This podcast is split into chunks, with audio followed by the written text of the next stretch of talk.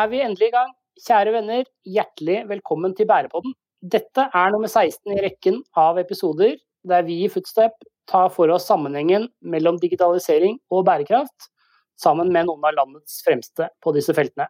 Jeg heter Håkon Sveen, og med meg så har jeg Comeback Kid, mannen, myten og legenden Sigurd Erisland.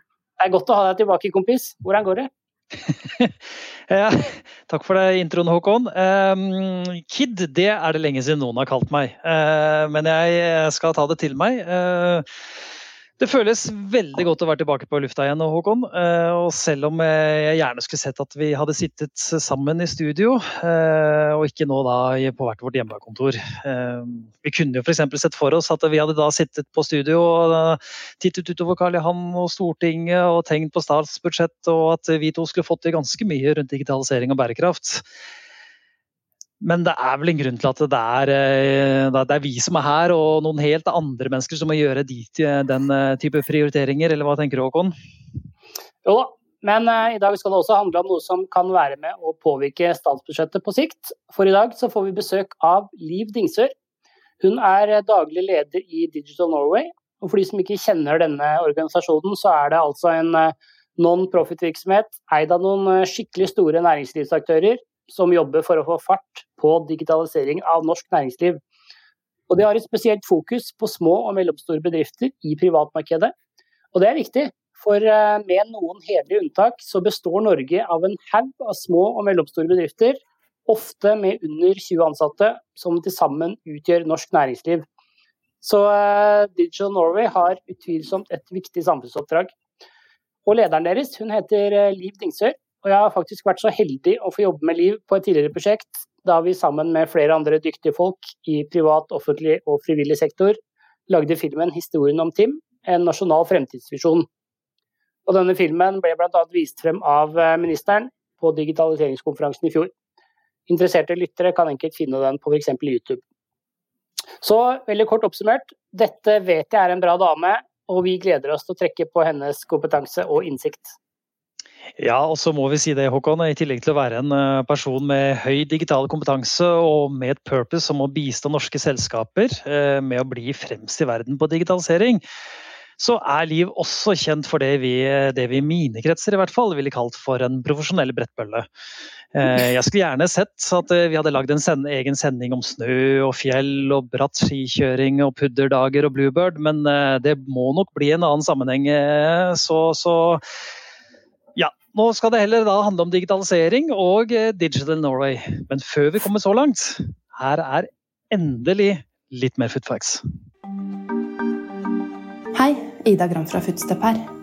I dag skal vi inn på et viktig og tidvis kanskje litt underkommunisert tema. Digitalisering av norsk næringsliv. En kan jo innimellom få inntrykk av at digitalisering er noe det mest er offentlig virksomhet som holder på med. Særlig når det ikke lykkes. Norge har til og med sitt eget digitaliseringsdirektorat, i dagligtalen kalt Digdir. Digdir ble formelt oppretta 1.1.2020 gjennom en sammenslåing av Altinn, deler av Brønnøysundregistrene og deler av det tidligere Direktoratet for forvaltning og IKT. Hovedoppgaven til Digdir er å bidra til en mer effektiv, brukerorientert og samordna offentlig sektor, og fremme deltakelse, verdiskaping og innovasjon. Men hva med næringslivet, da? Og ikke minst de små og mellomstore bedriftene, populært kalt SMB-er, som Norge har ganske mange av. SMB-er er på mange måter ryggraden i norsk næringsliv og skaper enorme verdier hvert eneste år. I rapporten 'Norske bedrifters verdibidrag', utviklet av Ny Analyse, kommer det fram at SMB-bedriftene sto for 42% av verdiskapingen i privat næringsliv. Basert på EUs standard størrelsesdefinisjon om at en SMB-bedrift er en bedrift med under 100 ansatte, kan hele 98,2% av det totale antallet registrerte virksomheter med ansatte i Norge karakteriseres som en SMB-bedrift. Rapporten viser også at nær ni av ti norske bedrifter har under 20 ansatte. Det er òg relevant å peke på at disse bedriftene står for 56% av sysselsettingen i Norge, og rett i overkant av 1 million årsverk i 2019. SMB-ene er viktige ikke bare i norsk, men også internasjonal sammenheng, og har en sentral rolle i arbeidet med å nå bærekraftsmål 8, anstendig arbeid og økonomisk vekst. Her handler det om å fremme varig, inkluderende og bærekraftig økonomisk vekst, full sysselsetting og anstendig arbeid for alle. Særlig delmål 8.2 og 8.3 framstår som relevante, siden de vektlegger teknologi som driver for utvikling, og viktigheten av politikk som stimulerer til etablering av flere små og mellomstore bedrifter. Delmål 8.2 sier at vi må øke den økonomiske produktiviteten gjennom diversifisering, teknologisk fremgang og innovasjon, bl.a. med vekt på lønnsomme og arbeidsintensive sektorer. Og delmål 8.3 sier at vi må fremme en utviklingsrettet politikk som støtter produktive aktiviteter, opprettelse av anstendige arbeidsplasser, entreprenørskap, kreativitet og innovasjon, og stimulere til formalisering av og vekst i antallet svært små, små og mellomstore bedrifter, bl.a. ved å gi dem tilgang til finansielle tjenester. Heldigvis har noen tatt på seg oppgaven med å være digitaliseringsdirektorat for små og mellomstore bedrifter. Og mer enn det. Digital Norway er en non-profit virksomhet som ble startet i 2017. Bak står næringslivsaktører som f.eks. DNB, Sintef og Ruter. Målsettingen med Digital Norway er å få fart på digitaliseringen av norsk næringsliv, med spesielt fokus på de små og mellomstore bedriftene. Digital Norway arbeider med å gi bedrifter og ansatte tilgang til kunnskap og nettverk de trenger i en digital verden, gjennom å tilby gratis kurs, læringsreiser, webinarer og digitale møteplasser. De er også aktive lobbyister på SMB-enes vegne, og arbeider med en rekke prosjekter for å fremme digitalisering og datadrevet utvikling. Men hva må til for at SMB-er skal lykkes med dette arbeidet? Det skal vi få høre mer om i dagens podkast. Tusen takk til eh, Ida Gram for en klok og god inngang på en episode som vi har gledet oss skikkelig til. Nå er det på høy tid å introdusere Liv Dingsør. Hun er eh, snøfjølkjører, digital ekspert og daglig leder av Digital Norway. Hjertelig velkommen til Bærepodden, Liv. Tusen takk. Altså, dette får man noe helt prestasjonsangst av med disse introene dere har, da. ja, men det er bare hyggelig. Aller først noen ord om deg, eh, Liv. Hvem er eh, Liv Dingsør? Ja, Det var jo litt deilig Sigurd, at du minnet meg litt på det tidligere livet da, som snøbrettkjører. Det, det, er godt å ha med seg litt denne fryktløsheten inn i arbeidslivet også. Skal to bein å stå på, ikke sant? Man skal det, altså. Man skal stå stødig. Men man skal også våge å hive seg utpå, tenker jeg da. Men iallfall, eh, Liv heter jeg. Eh, rukket å bli litt over 40 er eh, vokst opp på bygda, på Gol. Eh, derav eh, snøbrettkarrieren. Så jeg var så heldig å vokse opp med en tvillingbror og en lillesøster. Og vi var veldig aktive både ute og inne, hele familien. Jeg kjørte også faktisk brett som dere er inne på aktivt da, etter gymnaset i tre hele år og fikk reise verden rundt. Så det var en fantastisk tid, helt til liksom vaklevoren kropp satte stopper for den karrieren. Og så endte jeg opp på NHH i seggebukse og hettegenser. Eh, jeg måtte be om å få ta nye bilder året etter. Når jeg liksom hadde blitt litt mer indoktrinert. Eh, men det var en veldig fin tid på NHH, altså. Så jeg er jo i bunn og har fått gjort veldig mye gøyalt i min karriere. Jeg startet som trainee konserngeni i DNB. Fikk jobbe over, utover liksom i hele den virksomheten, var der i ganske mange år. Eh, så var jeg mange år også i Aker ASA og jobbet med de industrielle eh, der. Før jeg hadde tre opphold i tre mindre virksomheter som daglig leder. Så jeg føler jeg har fått gjort veldig mye. Eh, er en liten sånn, hva skal jeg si, pragmatisk bygger. Eh, grunnleggende veldig entusiastisk. Eh, opptatt av ja, reelle effekter. Praktisk arbeid. Og får masse energi av å skape ting sammen med andre, sånn som den gjengen i Dijonova i dag og alle våre gode, gode hjelpere. Det var litt om meg. Ja, takk for det. Eh, og Digital Norway, der du er leder nå, dere hjelper altså bedrifter å henge med i den digitale utviklingen gjennom å tilby gratis kompetanseinnhold, kan vi lese på deres hjemmeside. I tillegg så jobber dere for at små og mellomstore bedrifter skal kunne ta del i den datadrevne økonomien. Og Da blir vi nysgjerrige. Kan ikke du fortelle oss litt mer? Hvem er eh, Digital Norway? Ja, eh, altså du var jo inne på det innledningsvis også. Altså, vi er jo en, en non-profit som ble stiftet høsten 2017 eh, av 15 ledende selskaper, eh, med støtte fra offentlig sektor også. Og det som er litt viktig å få frem, tror jeg, det er at vi er en nøytral og uavhengig aktør. Det gjør at vi kan løfte en del ting, i og med at vi ikke har noen kommersielle interesser. Og som, det, som, du også sier, da, det handler om at alle skal kunne ta del i den datadrevne økonomien og bidra til datadreven innovasjon i sine verdikjeder. Og Det er jo liksom som internett. Vi må bare ta inn over oss at den datadrevne økonomien den er kommet for å bli. Det må jo forholdes til alle mann alle. Og da tror vi da, at en del eh, felles barrierer må løses effektivt og koordinert. Eh, fordi enhver bedrift klarer på en måte ikke å håndtere dette på egen, egen hånd. Da. Og vi holder SMB-fanen høyt, som du var inne på. Eh, det er vår hovedmålgruppe. Og vi er veldig opptatt av disse kraftsamlingene eh, på tvers av aktører, sektorer og bransjer. Og ikke minst at vi er ekstremt opptatt av uh, disse reelle, konkrete effektene i, det vi gjør. Og så er det noe med den gjensidige avhengigheten i en liten økonomi. Den, det er litt sånn, vi er egentlig tuftet litt på den erkjennelsen. Uh, at vi står i dette som et lag. og jeg tror våre eiere de hadde nok litt ulike innganger til å være med å løfte dette. da. Eh, men, men som grunnleggende så handler det om å øke norsk konkurransekraft. Noen har jo kunder som de ønsker å løfte, noen har tusenvis av underleverandører som de er helt avhengig av at henger med eh, for å sikre deres egen innovasjonskraft. Og noen bidrar til samfunnsoppdraget. Eh, og så er det jo, handler det mye om det er en del markedssvikter, og det er litt de vi prøver å adressere. Altså Hvis noe løses godt, så trenger jo ikke vi å gjøre det. Og så er det noe med at Vi er heller ikke en interesseorganisasjon. sånn avslutningsvis. Så, og vi deltar jo ganske mye i offentlige råd og, og, utvalg. Og jeg føler av og til at vi sitter veldig mye og snakker om utfordringer og muligheter og mål. Og så kommer man med anbefalinger, og så går man fra bordet. Men jeg føler det er da vår jobb begynner. Hvordan skal vi jobbe med de praktiske løsningene på disse anbefalingene. Da, så det var en kort, kort intro. Men eh, altså, da leverer dere en slags type kompetanseinnhold da, til, eh, til, markedet? Ja, det er en del av det vi gjør. Det må mm. altså den, vi mener at eh, Skal vi få alle med oss, så må alle ha en slags grunnleggende plattform når det gjelder digitalisering. Da. Og, mm. og, Det er i hvert fall vi opplever, som sikkert dere kan kjenne litt på av og til. Eller som jeg tror alle kjenner litt på. Det er litt sånn fatigue. Sånn, alle snakker om liksom, digital kompetanse, alle snakker om digitalisering. Men hva er det jeg liksom skal kunne? Og Kan ikke noen bare liksom gi meg et startsted, på en måte? Eh, så Det er litt det vi har tatt tak i, og sier at eh, vi har utviklet det vi kaller en sånn veiviserfamilie. Da, som er egentlig grunnleggende realiseringskompetanse som vi mener at alle må forholde seg til i 2020. Om du er arbeidsgiver eller arbeidstaker. Eh, og så skal det være tilpasset en, en praktisk hverdag. Og så handler det også om både at det skal være innsiktsdrevet, og så må det måte, distribueres på en måte som funker for mottakeren. Mm. Så vi jobber masse med akademia, vi jobber masse med eierne våre for å hente ut denne kompetansen. Men så er det en vanvittig egentlig en, kall det en oversetter eller ja, tilpasses jobb, da. For at det skal gi verdi, eh, eller bli anvendbart. Det er litt sånn gøy, Vi snakker utrolig mye om anvendbare data.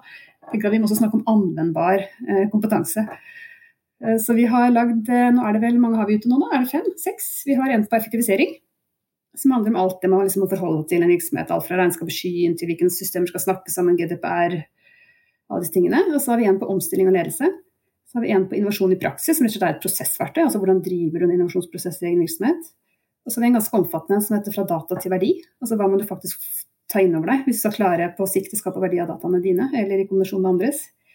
Og så har vi en på digital markedsføring, som er veldig populær. Eh, og så kommer det nå straks en på digital samhandling, som jo har blitt veldig relevant for de aller fleste av oss. Eh, og så kommer det en som vil glede dere da, på bærekraft eh, i februar. Mm. Så jobber vi hele tiden med, med, med flere. Så da tror jeg, tror jeg jaggu vi må ta en prat i februar også, ja. ja.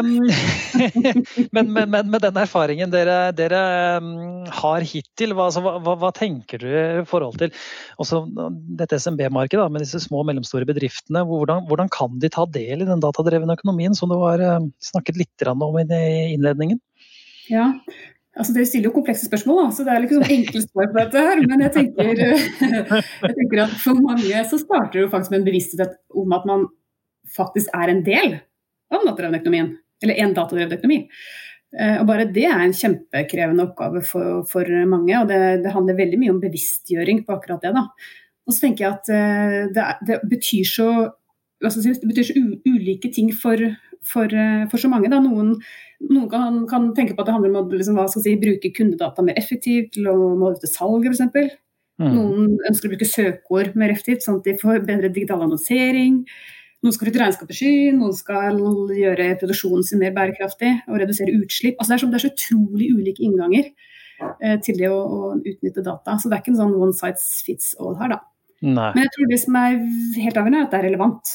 Mm. Eh, og så handler det om å øke egen bestillerkompetanse. Jeg tror det er noe av det viktigste vi sier at vi skal gjøre, det er å øke bestillerkompetansen, sånn at flere bedrifter forstår uh, hvor de skal gå for å hente enten mer innsikt, eller for å finne riktig hjelper. Om det er teknologi eller, eller kompetanse. Da. For bare sånn liten tillegg, altså dette her med hvis vi kan bruke litt tid på det, da, altså dette med tilgang til relevante data, som jo er helt avgjørende i en datadreven økonomi, uh, der er det altså så mange barrierer. Og når vi snakker med virksomhetene, så en ting er at de ikke vet altså De trenger en bedre oversikt over hvor det finnes data. Eh, og så trenger de masse veiledning og bistand i forhold til hvordan de kan få lov til å benytte de dataene som faktisk finnes der ute. Og så har de ikke verken konkurranseverktøy eller, eller for så vidt infrastruktur til å gjøre noe med dataene.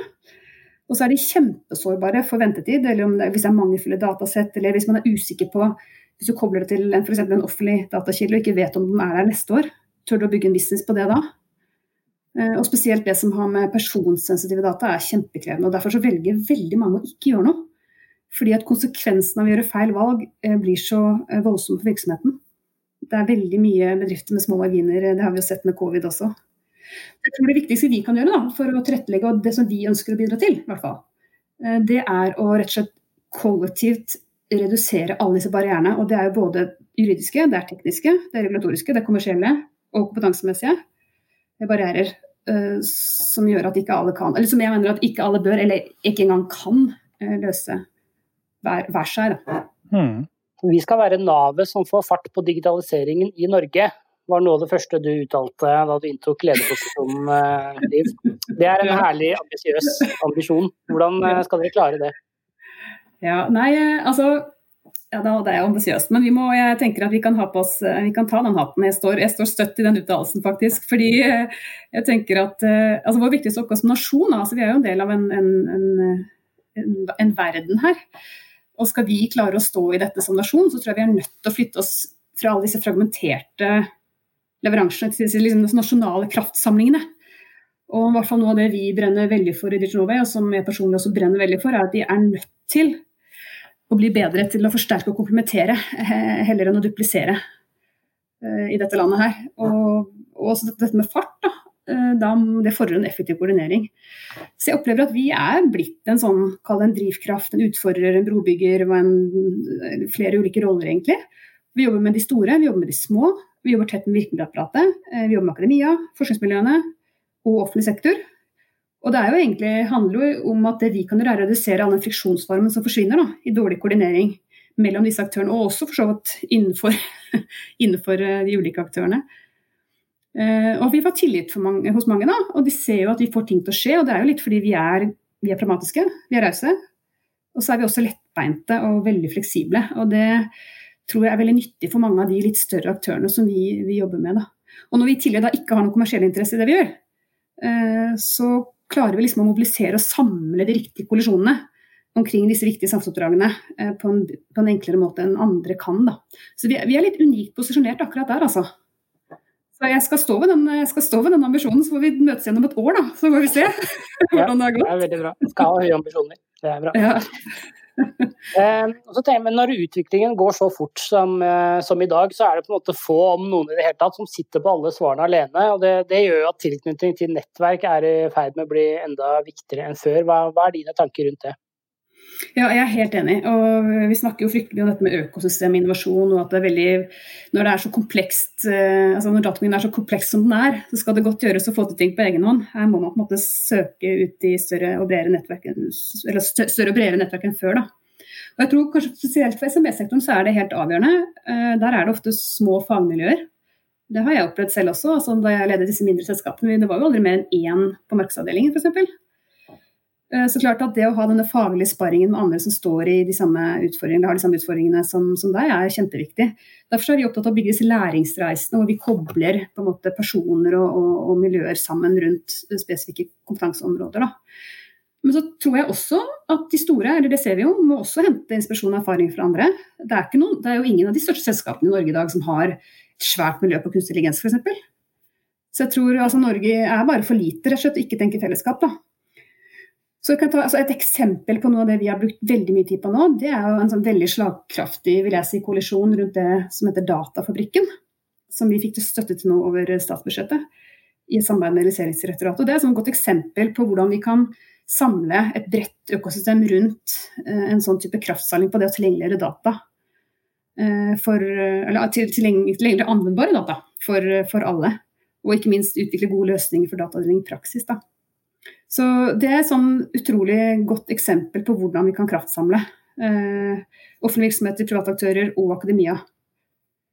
Og så skal verdiutnyttelsen skje da eh, hos de aktørene som skal innovere og skape nye tjenester basert på dataene, da, alene eller sammen med fagmiljøer rundt omkring i hele landet.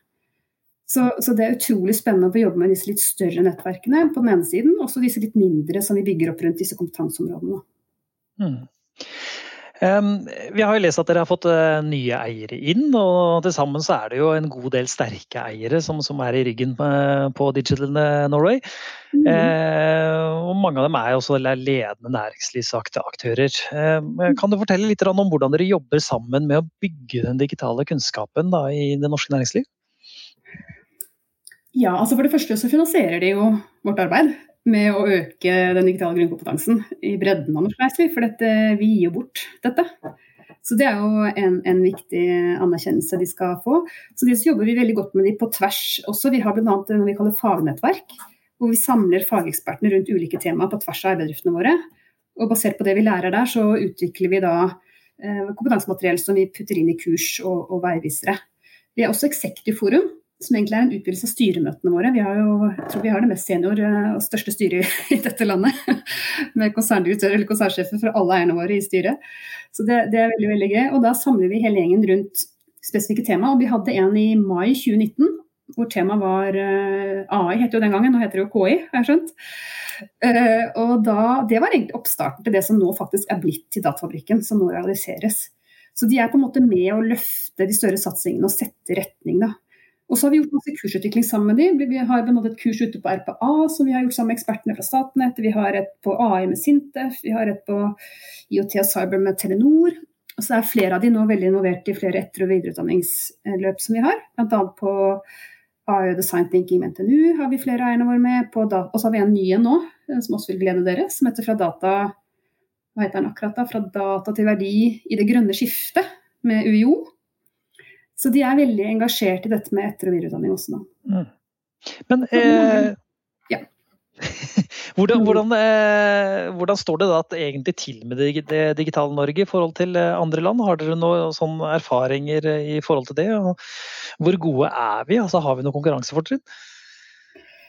Ja, her, her, prøver jeg alltid å være litt forsiktig, for her må liksom ikke bli for Men altså, altså jeg tenker jo, altså, krisen, gjennom krisen nå, så har vi jo bevist en helt vanvittig omstillingsvilje og nå tenker jeg at nå handler det om å bygge varig omstillingsevne, da. Og vi har en veldig sånn nasjonal bevissthet om behov for kompetanseløft og, og, dette med datadeling. Men jeg vi, jeg tenker jo at vi overvurderer den enkelte bedrift her. Fordi dette med kompetanseløft er virkelig ikke fremst i pannen i en travel hverdag som handler om overlevelse. Eh, og på samme måte som vi snakker om det, så snakker vi veldig mye om tillit og dugnadsånd i dette landet her. Eh, men det er utrolig mye som skal på plass, da. det ser vi, for at tillit skal skalere til innovasjonskraft. Og vi ser også at det er innovasjonskraften hos SSB som driver utviklingen i verdikjedene og liksom i økosystemet til disse ulike næringene. Da. Og igjen, begrenset kapasitet, begrenset kompetanse, det hindrer omstilling hos SSB, selv om de ser, eh, ser mulighetene. Så jeg er litt sånn redd for at vi, vi undervurderer litt den mobiliseringsutfordringen som er i Norge, som også er drevet av at vi er en SMB-økonomi, en veldig sårbar SMB-økonomi. Eh, så én ting er på en måte manglende kompetanse og kompetanse SMB, men vi ser også at det er til dels ganske manglende koordinering og kompetanse hos offentlige hjelpere og innkjøpere, hvis jeg skal være helt ærlig. Eh, men samtidig så er det en kjempeskaleringsmulighet. Da. Altså Data er grenseløst, det er sektorovergripende. Altså, det øker jo i verdi jo flere som bruker det, så det er jo egentlig helt fantastisk. Um, så, så jeg, tenker, jeg, tenker, at her er det jo bare et kjempepotensial. Så hvis vi tar inn over oss at vi er nødt til å, i tillegg til grønt og nyskapen, da, som veldig mye av virkemiddelstøtten går til, så må vi ta inn over oss at de må investere mer i teknologiinvesteringer og omstillingskostnader. vi må ikke tro at vi på en måte er kommet lenger enn vi er. Det, det bekymrer meg, da. Eh, og så handler det om også, Når det gjelder dette med, med økt verdiskapning fra data, så er vi nødt til også innover oss at det trengs mer offentlige investeringer på vegne av bredden i næringslivet. Litt sånn som Datafabrikken er et kjempegodt eksempel på. Eh, hvordan du kan måtte adressere en del felles barrierer eh, mer effektivt og koordinert. Da. Så Det er et veldig godt tiltak. da. Men jeg tror vi, vi må virkelig ta inn over oss konsekvensen av at vi er en sårbar SMB-økonomi. Og vi er nødt til å få til mye mer effektivt samarbeid med offentlig privat sektor. Det Mm. Spennende tanker som vi, vi møter også i, i, veldig mange andre gjestene som vi, som vi snakker med. Eh, hvor sårbare man er og, og, og, ja, som du sier, vi, vi, vi er um, De fleste av oss er jo ganske små i, i, den, i den, store sammenhengen. Eh, så ja. mm, bra. Alt som kan eh, digitaliseres og automatiseres, vil med tiden bli nettopp digitalisert og automatisert, sies det. Det gjør at store mengder kunnskap og ferdigheter, som lenge har vært høyt ansett, risikerer å bli utdatert eller reduseres drastisk i verdi innen eh, ganske kort tid, faktisk. Mm. Og denne nye hverdagen det betyr jo at kompetanse blir å anse som ferskvare. Og vi må rett og slett lære og avlære kontinuerlig for å henge med og forbli relevante. Mm. Dette vet jeg du er opptatt av, Liv. Fortell om ditt syn på livslang læring. Ja, dette her er jo et av våre to si, hovedområder i Digital Vi har, vi har to hovedsatsområder. Det ene er livslang læring, og det andre er samarbeid og deling av data. Så dette brenner vi for. Og, og livslang læring handler jo om at ingen skal gå ut på dato, og det er jo i seg selv en ganske ambisiøs målsetting. Eh, og etter- og videreutdanning er jo i Norge i hvert fall kjernen i livslang læring. Og vi er tungt inne på begge områdene, eh, og vi er veldig opptatt av å kombinere de på gode pedagogiske måter. Vi er, altså vi er litt opptatt av å bryte ned barrierene mellom etter- og videreutdanning. For det handler som dere sier, om livslang læring eh, hele veien. Og så vet jeg ikke om alle vet forskjellen på etter- og videreutdanning. Eh, for altså, videreutdanning det er jo all den, der, all den offentlig godkjente opplæringen som gir formell kompetanse eller studiepoeng. Eh, og det, det, jobber vi masse med. Eh, sammen med, Nå er vi vel i gang med 15 ulike etter- og videreutdanningsløp sammen med akademia. Og vi utfordrer universitets- og høyskolesektoren veldig på å utvikle disse korte læringsmodulene, og ofte uten studiepoeng. For Vi tror at det er helt avgjørende for livslang læringspraksis. Altså Som arbeidstaker så er du nødt til å kunne kombinere eh, etter- og videreutdanning med jobb. da. Men så finnes det en kjempe, eh, fremdeles en stor markedssvikt mener vi, på praksisnære tilbud. og Derfor tror jeg personlig at etterutdanning at vi kommer til å se mye mer av det fremover. Og det er utdanning som ikke gir formell kompetanse eller studiepoeng typisk sånne korte kurs som gir liksom enten vedlikehold eller oppdatering av, av, kompetanse. Det kan leveres av alle. Eh, videreutdanning kan bare leveres av disse akkrediterte akademiske institusjonene. Eh, så vi, Når det gjelder etterutdanning, så jobber vi sammen med mange ulike partnere. for å utvikle disse, altså Det handler om at det må være praksisnært, det må være relevant, det må være attraktive læringsmoduler. Eh, og det må være prioriterte fagområder. altså et, en ting vi gjorde her midt under pandemien, det var et kjempegøyalt og ganske krevende løft sammen med Aker og Cognite hvor Øyvind Eriksen ringte oss og sa vi må gjøre noe for våre permitterte industriarbeidere, vil dere være med? Så sa vi selvfølgelig ja. Og så utviklet vi sammen med Cognite Industrial Digital Academy som et åpent tilgjengelig gratis eh, eh, akademi for industriarbeidere som ønsket å lære mer om eh, industrielle data. Og få lov til å jobbe med det i, i, praksis. Og de er opptatt av å få nye ferdigheter som de kan bruke på jobb i morgen, ikke egentlig nødvendigvis eksamen eller vekttall. Så, så det, jeg, tror, jeg tror vi vil se mye mer av det, da. Og så tror jeg også at vi må ha en skal ikke snakke så veldig mye mer, men vi må i hvert fall ha en bevissthet om disse effektive jobbovergangene fra kall det utsatte yrker da, til nye yrker. Uh, vi, det, er det, er ikke, sånn man nødvendigvis skal forbli uh, der man alltid har vært. Uh, og Det tror jeg vi bare må våge å snakke mer om. Da. Og jeg tenker at Taperne i arbeidsmarkedet er jo er og vil forbli de med utdatert kompetanse. Sånn er det jo bare. Uh, og jeg tror at de mest utsatte da, de har ikke den informasjonen de, egentlig, altså de har ikke den informasjonen de trenger for å planlegge for fremtiden. For Det er altså en jungel av aktører og tilbud innen etter- og videreutdanning. Det er nesten helt umulig å finne fram. Og med Dijonova syns det er kjempekrevende. Uh, derfor har vi begynt en ordentlig sånn ryddejobb. da. Fordi vi ser at uh, SMB-ene er nødt til å finne tjenestetilbudene i en relevant kontekst. Ellers har de ikke tid. Ellers gidder de ikke. Eh, så vi jobber ganske mye med å tilrettelegge for en mer effektiv mobilisering da, inn det som allerede finnes. Sånn så det kan skalere til flere, eh, men som er umulig å finne i dag. Da. Og vi tenker at det må være enkelt å finne det neste steget i egen læringsreise. Det er mantra hos oss. Veldig bra. Og et av de stegene det på en måte går på, på det grønne skiftet og, og bærekraftig kompetanse. Og er, disse feltene er på en måte på full fart inn i styrerom og lederverv i både offentlig og privat sektor. Og stadig mm. flere har fått øynene opp for at uh, bærekraft bør være en integrert del av uh, virksomhetens strategi og forretningsmodell. Hvordan ser du på sammenhengen mellom digitalisering og, og bærekraft? Ja, altså digitalisering og bærekraft begge de begreper, det er jo litt sånn forslitte begreper på en måte, eh, føler jeg. Og veldig vanskelig å snakke om på en generisk måte. Da. Men jeg tenker at veldig mye av det effektive grønne skiftet, da, hvis vi kan snakke om det, det tror ikke jeg er mulig å få til uten bruk av data og digitale teknologier. Så det er som du sier, det er en fullstendig vekselvirkning her. da. Og for, for meg så er det for teknologi eller digitalisering er egentlig bare et virkemiddel for å nå et mål eh, om noe som forhåpentligvis eh, har en bærekraftsdimensjon i seg. Vi ser jo at flere og flere av altså næringslivsaktørenes eh, mål har, er knyttet til bærekraftig omstilling. Da.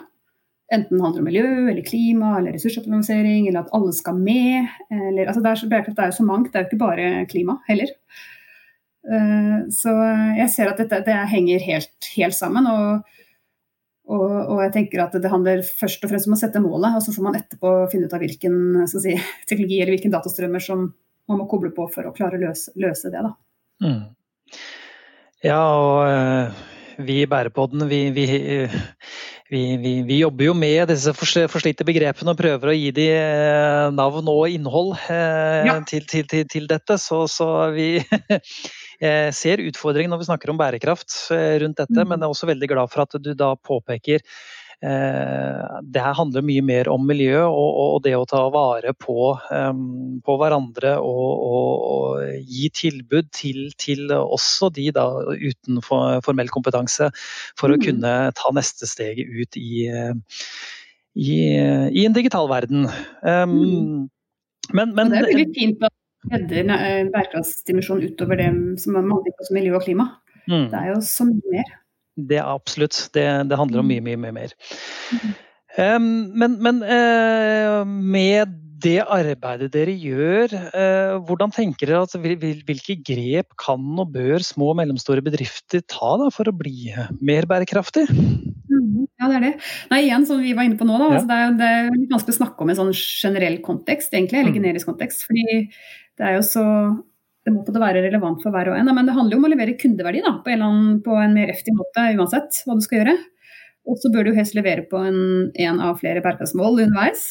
Så jeg tenker kanskje for de mindre så handler det veldig mye om fokus. da, Og evne til å ta tydelige valg, sånn at man kan jobbe systematisk med noe og ikke alt på en gang. Det tror jeg er avgjørende. For det kan bli litt sånn utmattende igjen. at man kan bli litt sånn, Det er ikke vits å starte engang, for det er så mye som skal løses. Men finn liksom den, det ene målet, eller de to uh, målene Sånn sett så er jo denne samlingen av bærekraftsmål veldig fin å jobbe ut etter. Mm. Men, men, opplever du at de har eh, det fokuset, eller, eller, er det litt sånn som du var inne på rundt, rundt kompetanse? altså At det, det, handler mye om å overleve i en, en travel hverdag ja. også? Ja, jeg tror vi har, vi har en kjempemobiliseringsutfordring som vi er nødt til å, til å løse. Så jeg tror For mange så er det utrolig vanskelig å vite hvor, hvor man skal starte. fordi man har ikke helt, Det er vanskelig å forstå hvilke behov man egentlig skal løse nå fremover for kunden eller brukeren eller hvem det er man skal løse noe for. Så, så, definitivt, vi må bare jobbe med dette fra alle mulige vinkler. og da Apropos nettverk, så tror jeg også det er veldig viktig for mange. Da, at må, man, må, man må rett og slett søke seg eh, til nye, til nye, nettverk. Det finnes en fantastisk innovasjonsinfrastruktur i dette landet her gjennom SIVO Innovasjon Norge. og det er jo en haug med klynger og næringshager, inkubatorer, industriparker. Altså, det finnes jo så mange steder man kan hente eh, inspirasjon mm. og, og, innsikt rundt dette med, med bærekraft eh, også. Ja. Så jeg tror eh, ja, søk ut. Dagens oppfordring, søk ut. Ja. Eh, la oss se litt inn i fremtiden eh, og si nå at eh, Digital Norway har lykkes stort med å spre den digitale kunnskapen og læringen i norske bedrifter. og har blitt dette navet da, som fikk fart på digitaliseringen av Norge. Hvilken avisforside drømmer du om å se om noen år i fremtiden? Ja, det var litt gøy. Vi hadde faktisk en strategisamling her for eh, ja, det begynner å bli et års tid siden. Da. Jeg måtte bare finne, bare, da hadde, jeg, da hadde vi bilde av Ole Erik Alme altså, forsiden, og så hadde vi masse rart forskjellig der. Men da stod blant annet Dette var før det ble et fellesprosjekt med Digitaliseringsdirektoratet. Så da sto det eh, Datafabrikken til Digisnove i full drift. Eh, SMB-er i front i den datadrevne økonomien. Og så var sidesaken NHO jubler. Eksportrettet industri er mangedoblet. Så hvis vi er der, så er jeg godt fornøyd. Så bra. Jeg syns det var litt morsomt da, at vi, eh, når vi snakker om digitalisering, at, at vi fortsatt bruker begrepet som avisforside. Da. Men, ja, ja, ja, men det er veldig bra at dere allerede har satt ut det målet. ja, ja, supert. Da har vi noe å sikte etter. Eh, vi nærmer oss slutten, men, men eh, helt til slutt, Liv, og dette spørsmålet stiller vi alle våre gjester. Hvem mener du ligger lengst fremme i Norge når det gjelder å se digitalisering og bærekraft i sammenheng. Hvem har du lyst til å gi en stor bukett med virtuelle blomster? Ja, altså det er jo mange. Men jeg har faktisk lyst til å trekke frem Det er kanskje litt uh, sånn sett, da, men jeg har lyst til å trekke frem en av våre eiere, faktisk. Og det er uh, noen jeg vet har hatt besøk av før, men det er Ruter. Uh, jeg mm. lar meg stadig både imponere og inspirere av Ruter. Vi er så heldige at vi har Bernt Reitan Jensen i, i styret. og hva skal jeg si, den bredden i forhold til hvordan de angriper hele bærekraftsdimensjonen er helt fantastisk. Altså en ting er jo miljøperspektiv og ressurseffektivisering og sånn, men bl.a. så gjør vi et kjempespennende prosjekt med de nå. Um, hvor de har kommet og sagt at vi trenger å snu våre bussjåfører og båtførere, det er 4000 stykker, til å, i, i, i Viken, eller i Oslo Akershus, til å bli mer hva skal jeg si, eh, positivt innstilt til digitalisering og den nye fremtiden. Eh, hvordan kan vi gjøre noe med det? Og så har vi sammen utviklet 15 påstander som er type sånn Om fem år er det ingen bussfører inne i Oslo. Er det riktig eller galt? Og så kukker du, og så får du da det riktige svaret. Og det å jobbe med den si, innovasjonsevnen og entusiasmen helt ut i ytterste ledd, og ta det sånn på alvor, det syns jeg er helt fantastisk. Eh, så um, det er én av mange eksempler, da. Men Ruter får min, eh, og Bernt får min virtuelle blomst. Denne sendingens blomst går altså til Frode. Det er uh, veldig ja, Vi lar oss også imponere over det Ruter holder på med, ikke sant Håkon? Ja, absolutt. Det, de er et forbilde for, for oss alle. Mm. Det var uh, rett og slett uh, det vi rakk for denne gangen. Snipp, snapp, snute. Og da var denne episoden ute. For, for det, vi har det var alt vi rakk, rett og slett. Vi har hørt daglig leder av uh, Digital Norway, Liv Dingsør, fortelle om hvordan de jobber for å bli et nav i digitaliseringen av Norge. Og så har vi lært en ting eller to om hvordan det grønne skiftet kan spille på lag med digitaliseringsagendaen. Det har vært uh, inspirerende, og vi håper at du som hører på også har lært noe nytt og fått deg litt av dose med inspirasjon. Bærepodden er tilbake før du aner ordet av det, klare til å servere deg en ny deilig porsjon med digitalisering og bærekraft i skjønn forening Tusen takk for at du hørte på. Ha en nydelig dag videre.